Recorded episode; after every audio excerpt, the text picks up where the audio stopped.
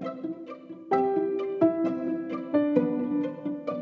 Jak chronić dzieci przed kampanią dezinformacyjną w internecie? Jaką rolę w tym zakresie ma pełnić edukacja medialna? Autorka artykułu Melinda Meyer, Świat Nauki 2022 nr 3, opierając się na badaniach amerykańskich naukowców, twierdzi, że dzieci i młodzież są łatwym celem dla twórców fałszywych newsów. Podatność na tzw. Tak teorie spiskowe wzrasta powyżej 14 roku życia. Kampanie dezinformacyjne, fake newsy nakierowują młodych odbiorców na fałszywe treści. Jak temu przeciwdziałać? Działać. Zdaniem autorki niepośrednią rolę w tym zakresie powinna odgrywać edukacja medialna. Ma ona uczyć takie umiejętności jak selekcja, analiza informacji, sprawdzanie wiarygodności jej źródła. Pożądanym jest, aby młodzież odbierając informacje zadawała pytanie typu kto jest twórcą przekazu, dlaczego, co mówią inni dziennikarze, jak rozumieją problem.